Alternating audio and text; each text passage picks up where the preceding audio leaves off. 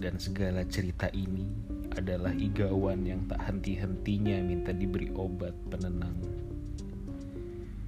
Punggungmu adalah bukit yang saban hari tak kunjung selesai kudaki sampai aku patah kaki sementara kau pura-pura mati.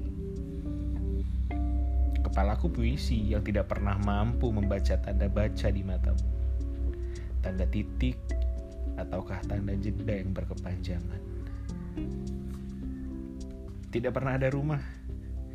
Peta tidak mengenal alamatmu. Berkelok dan terlalu banyak persimpangan. Jadi bagaimana? Kau yang cuma singgah atau aku yang terlampau sungguh?